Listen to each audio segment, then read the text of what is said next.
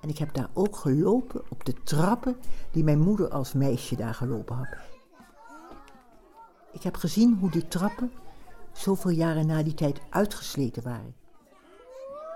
Zij werd ook altijd genoemd juffrouw Terbeek. Terbeek was haar meisjesnaam, de naam van mijn vader. Maar de juffrouw is er. Het was altijd feest.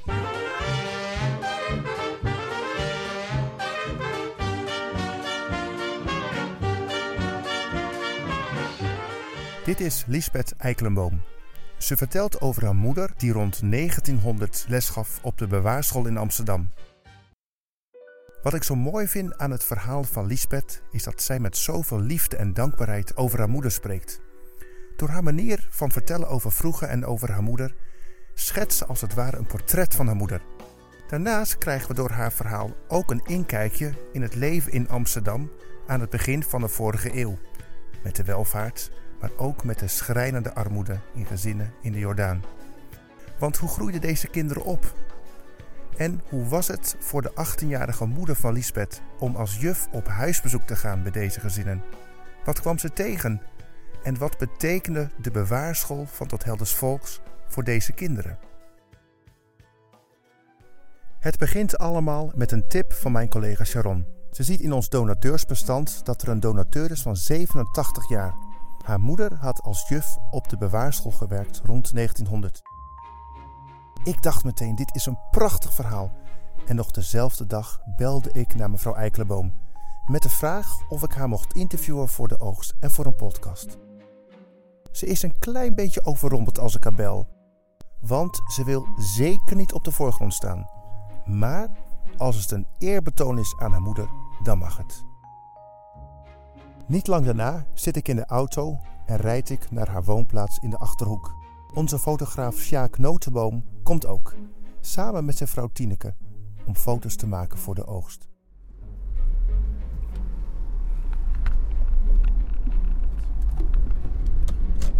Hier moet het zijn.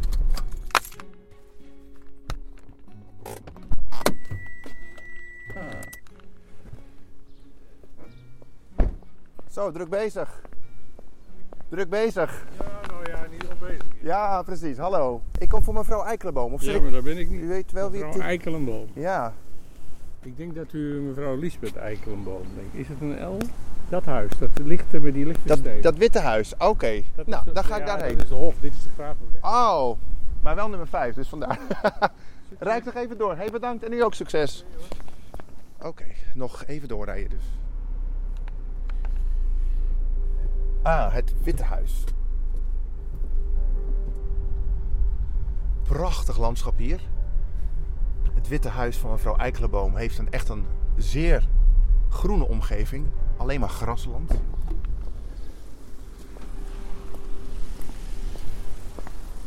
En daar is ook de fotograaf. Dag Sjaak, goedemorgen. Goedemorgen. Dus jij laat je rijden. Ja, Wat een luxe. Hallo. Hey. Hallo. Hey, ja prima hoor. Je bent er ook net? Ja, ik kom net aan ja. Ik eh, stond bij de andere nummer 5 bij eh, ja. andere, net een andere straat. Dus eh, Nou, we hebben het gevonden. ja, Ja. precies. Laten we maar gaan. Hallo, goedemorgen. Welkom uit Amsterdam. Zeker, goedemorgen. Dag, Ronald Koops. Hallo, Koops, ja, hallo. goeiedag. En bent als extraatje mee. Ik ben Ja. extraatje meegekomen. Ik ben de vrouw van Sjaak. Vast even zou doen. En de moet allemaal wat bij. Het is een hele organisatie, hè, zoveel mensen. Ik ben het gewend. Kan ik even helpen? 24. Omdat de sterfdag van mijn man was en er waren kinderen en kleinkinderen. En ze hadden stoelen klaargezet, ze staan boven regimentenstoelen. En dan, dan denk je, god dank u, dan kijk je en dan denk ik, ach, daar zijn ze allemaal. Mooi hè? En terwijl we aan de koffie zitten, laat mevrouw Eikelenboom een foto zien die voor haar heel bijzonder is. Dit, dit met u, dat zie ik. En wat is... Dit is, Dit is dus uw dochter. dus, eh, ik heb één dochter, of wij hebben één dochter en vier zonen. Oh ja. En dat is moeder en dat is haar dochter, dus het zijn allemaal dochters, Ja, begrijp je. ja. Vier generaties. generaties. Oh ja, dat is Oh. bijzonder Ik hoor. Ja dat ja, dat is Ja. heel bijzonder. Ja. Drie is redelijk normaal, maar vier is toch wel iets Kijk, unieks. heb ik nu. Want je mag het eigenlijk niet aan een dame vragen, maar hoe oud bent u zelf? 87. 87. Oh, dat had ik niet, nee, Zou had ik niet niet zeggen, gedacht. hè? Nee. Kijk, zo 79 dacht ik Nou, zo. Ik dacht ook echt Ja, iets in de ja, 70. 87, ja. Ongelooflijk. Zo. En ik ervaar dit nog allemaal. Kijk, en dit was dus net 1 januari, acht jaar geleden. Hier heb je onze kinderen. Dat uw man overleed, ja. Ja. Zo gedragen. Wat mooi Ja, hier in onze ja. dorpskerk. Oh Ja, ja. dat doe ik zelf in. Daar zonen, schoonzoon, zoon, allemaal zonen en zonen, Het is ja. rijkdom als er... Ja, Nou, ja, zeker, hoor. Ja, heel mooi. Je familie is toch het meest, Het is het meest meest kostbare. kostbaar of zo, Ja. hè? Daar kan geen vriendschap of Nee, kennis tegenop, nee, zeg nee, ik altijd. nee. Ja, Vriendschap is ook belangrijk. dat is ook belangrijk. Ja. Als de fotograaf naar huis is, is het tijd voor het interview. Over haar moeder. Ik ben benieuwd. Wie was haar moeder? En wat heeft ze betekend voor de Barndersteeg? Op verzoek van mevrouw Eikelenboom versleep ik een paar stoelen richting de open haard, zodat ze lekker warm en in alle rust kan vertellen over haar moeder.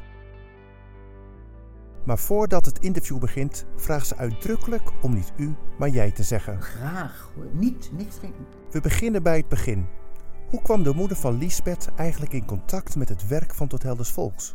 Mijn moeder woonde in Amsterdam. En ze was ook geboren daar en had een, uit een christelijk gezin. En ik weet eigenlijk niet hoe ze er zo bij kwam. Maar ze was natuurlijk van de school af en ze wilde graag verder gaan leren. En zo heeft ze dat gehoord. Het gekke is, ze heeft me wel verteld van dominee de liefde. Maar hoe het begin is, weet ik niet alleen dat ze daar voor haar opleiding was. Voor dat was, vroeger noemden ze dat de bewaarschool. Nu is het allemaal kleuterschool, maar dat was toen de bewaarschool. En die was opgericht door dominee de Liefde. Dat heeft ze mij altijd verteld, van jongs af aan.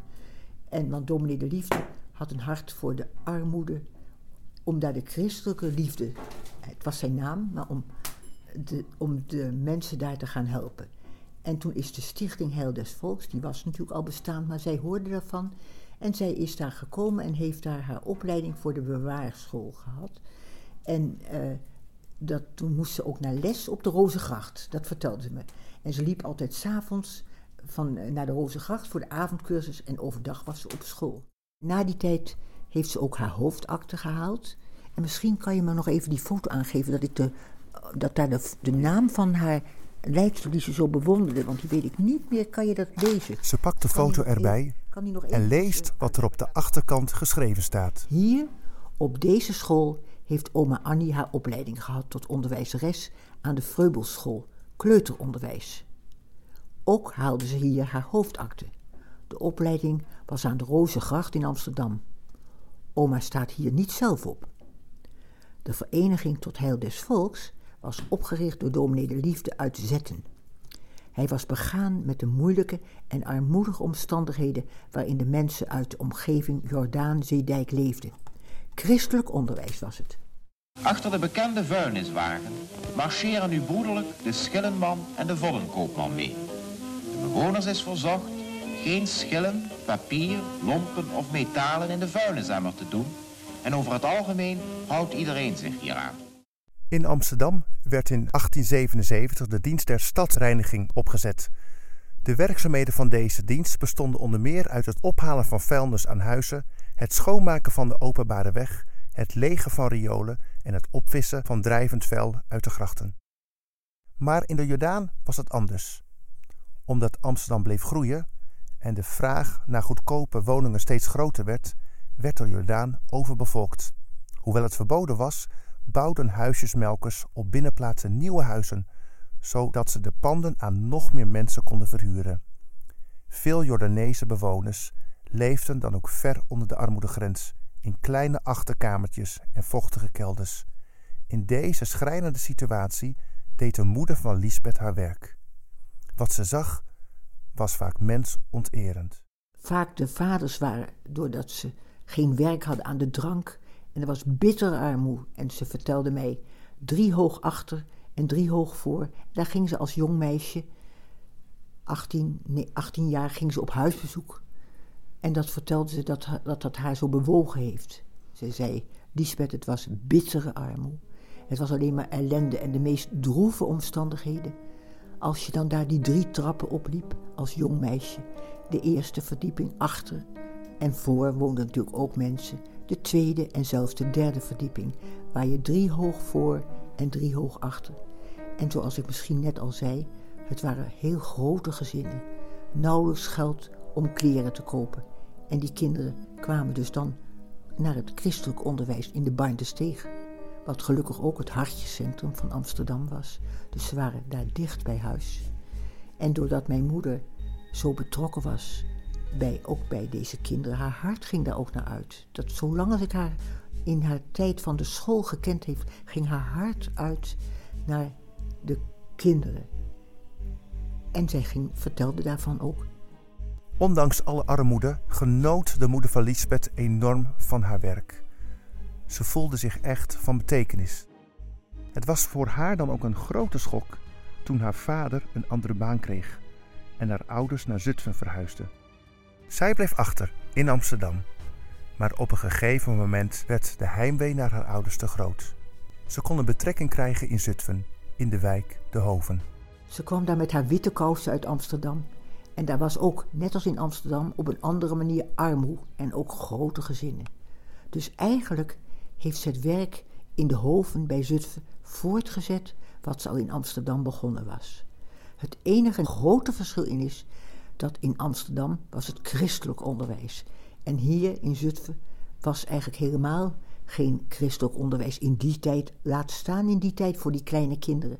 Dus het was openbaar onderwijs. Maar de manier waarop zij 35 jaar dit gedaan heeft in de hoven, dat is alsof het christelijk onderwijs is.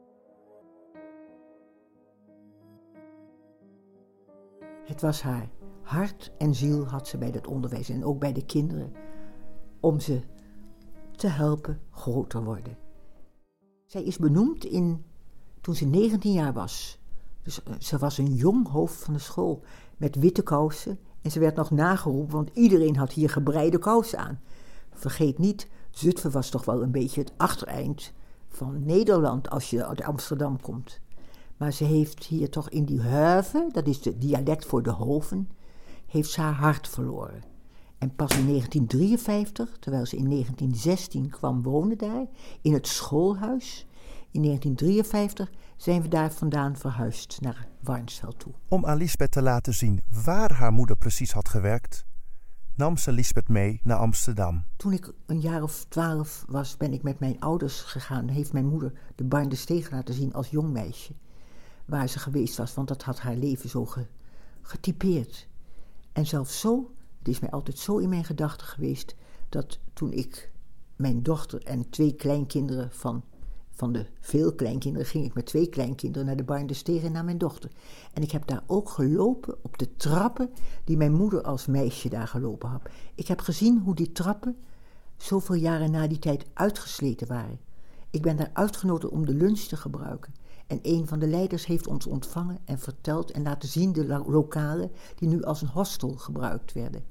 En wat mij ook zo trof, dus daar, als de gasten uit de hele wereld daar kwamen, in die Barn de Steeg nu, in deze tijd, dat ze dan ook nog door het evangelie, van, met het evangelie geconfronteerd werden door de verhalen die verteld werden. En dat is ook het verhaal wat ik van mijn moeder hoorde. En als ik dan nu denk, ik krijg nu nog steeds om uit het nadenken aan haar de oogst eh, bij mij thuis. Als ik dan ook denk hoe dit voor haar geweest is, wil ik dat als een eerbetoon zien hoe zij al haar leven haar hart bij die Barndesteeg heeft gehad. En dat hart ging vervolgens naar de huiven, naar de kinderen in de hoven. Totdat ze niet meer kon, totdat ze gepensioneerd is. Maar dat was haar leven. En ik ben enig kind geweest.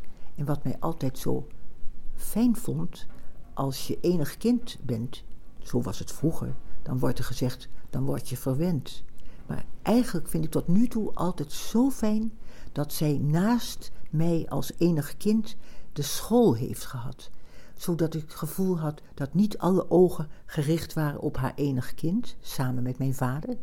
Hoewel ik door hun beiden als mijn jeugd als geborgen heb gezien. Geborgen ook in Gods hand en in hun handen. Maar daarnaast heeft ze altijd die school gehad en een levendige interesse.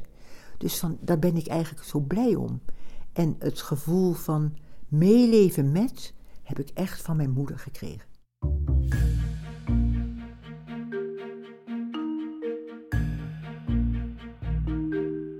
Als er bijvoorbeeld Sinterklaas was, dan werden er inkopen gedaan. Ieder kind, de arme kinderen, mochten fluisteren wat voor cadeautjes ze wilden hebben voor Sinterklaas.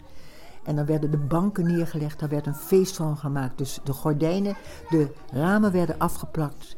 En dan op alle banken kwamen prachtige papieren, witte papieren. En daar werden de cadeautjes die de kinderen zelf mochten uitkiezen. Ieder mocht in het oor van de juffrouw fluisteren wat ze wilden hebben. Dan stonden de cadeautjes daar.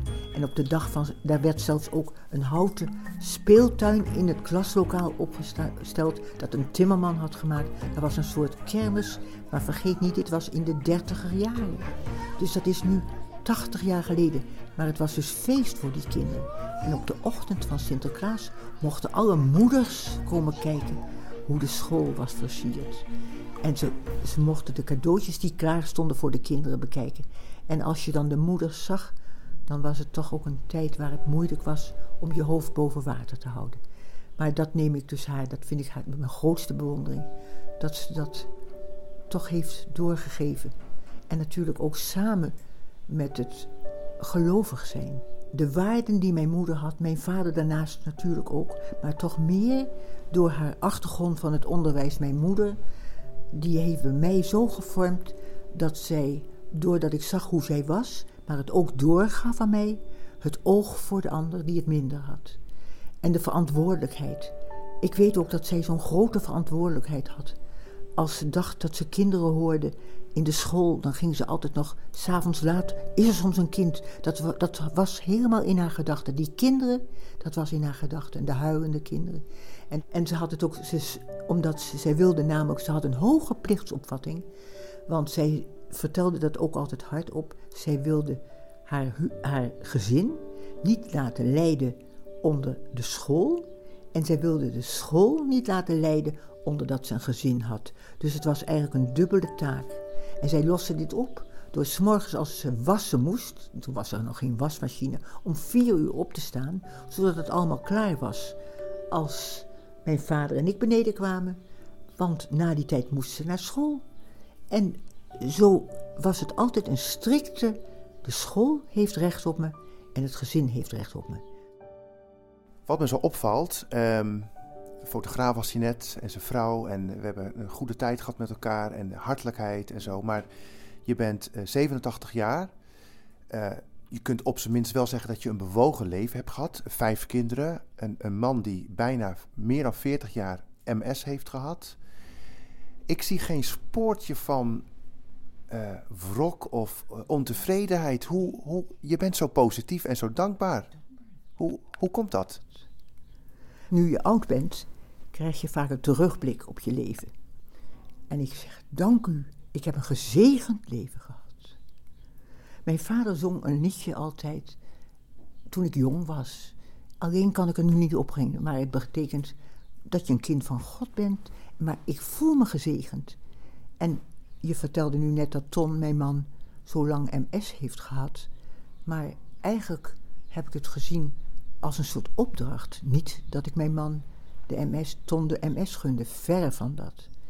Maar al deze dingen hebben bijgedragen om verder te komen met je leven. En deze acht jaar, het is acht jaar, 1 januari was het acht jaar geleden dat Ton gestorven is. Deze acht jaar is ook nog een verdere leerschool van mijn leven. Tegenover mij zit een vrouw die heel veel heeft meegemaakt, maar die ook heel erg dankbaar is voor wat ze heeft gekregen. Ze staat niet zozeer stil bij wat er niet was, maar bij wat er wel was. Ze vindt het ook zo bijzonder dat ze vroeger enig kind was en dat ze nu ontzettend veel kleinkinderen heeft. Ik vraag aan haar: hoeveel kleinkinderen heb je eigenlijk? Zo'n groot aantal. Ik kan het soms zelf niet bevatten. Vijftien kleinkinderen. Maar ik begin dus met de vijf kinderen die allemaal een partner hebben. Die voor mij dus ook als kinderen zijn. En dan die tien kleinkinderen. Die allemaal weer al getrouwd zijn. En zelf ook die kleinkinderen hebben alweer vier kleinkinderen. Zelfs ben ik door een kleinkind gevraagd om voor te lezen bij de huwelijksinzegening in de kerk. Dat zijn ook verrijkende dingen als je dat toch als oma uit de Bijbel mag lezen. Ik hoop altijd maar dat het ook verder betekenis gaat hebben in hun leven.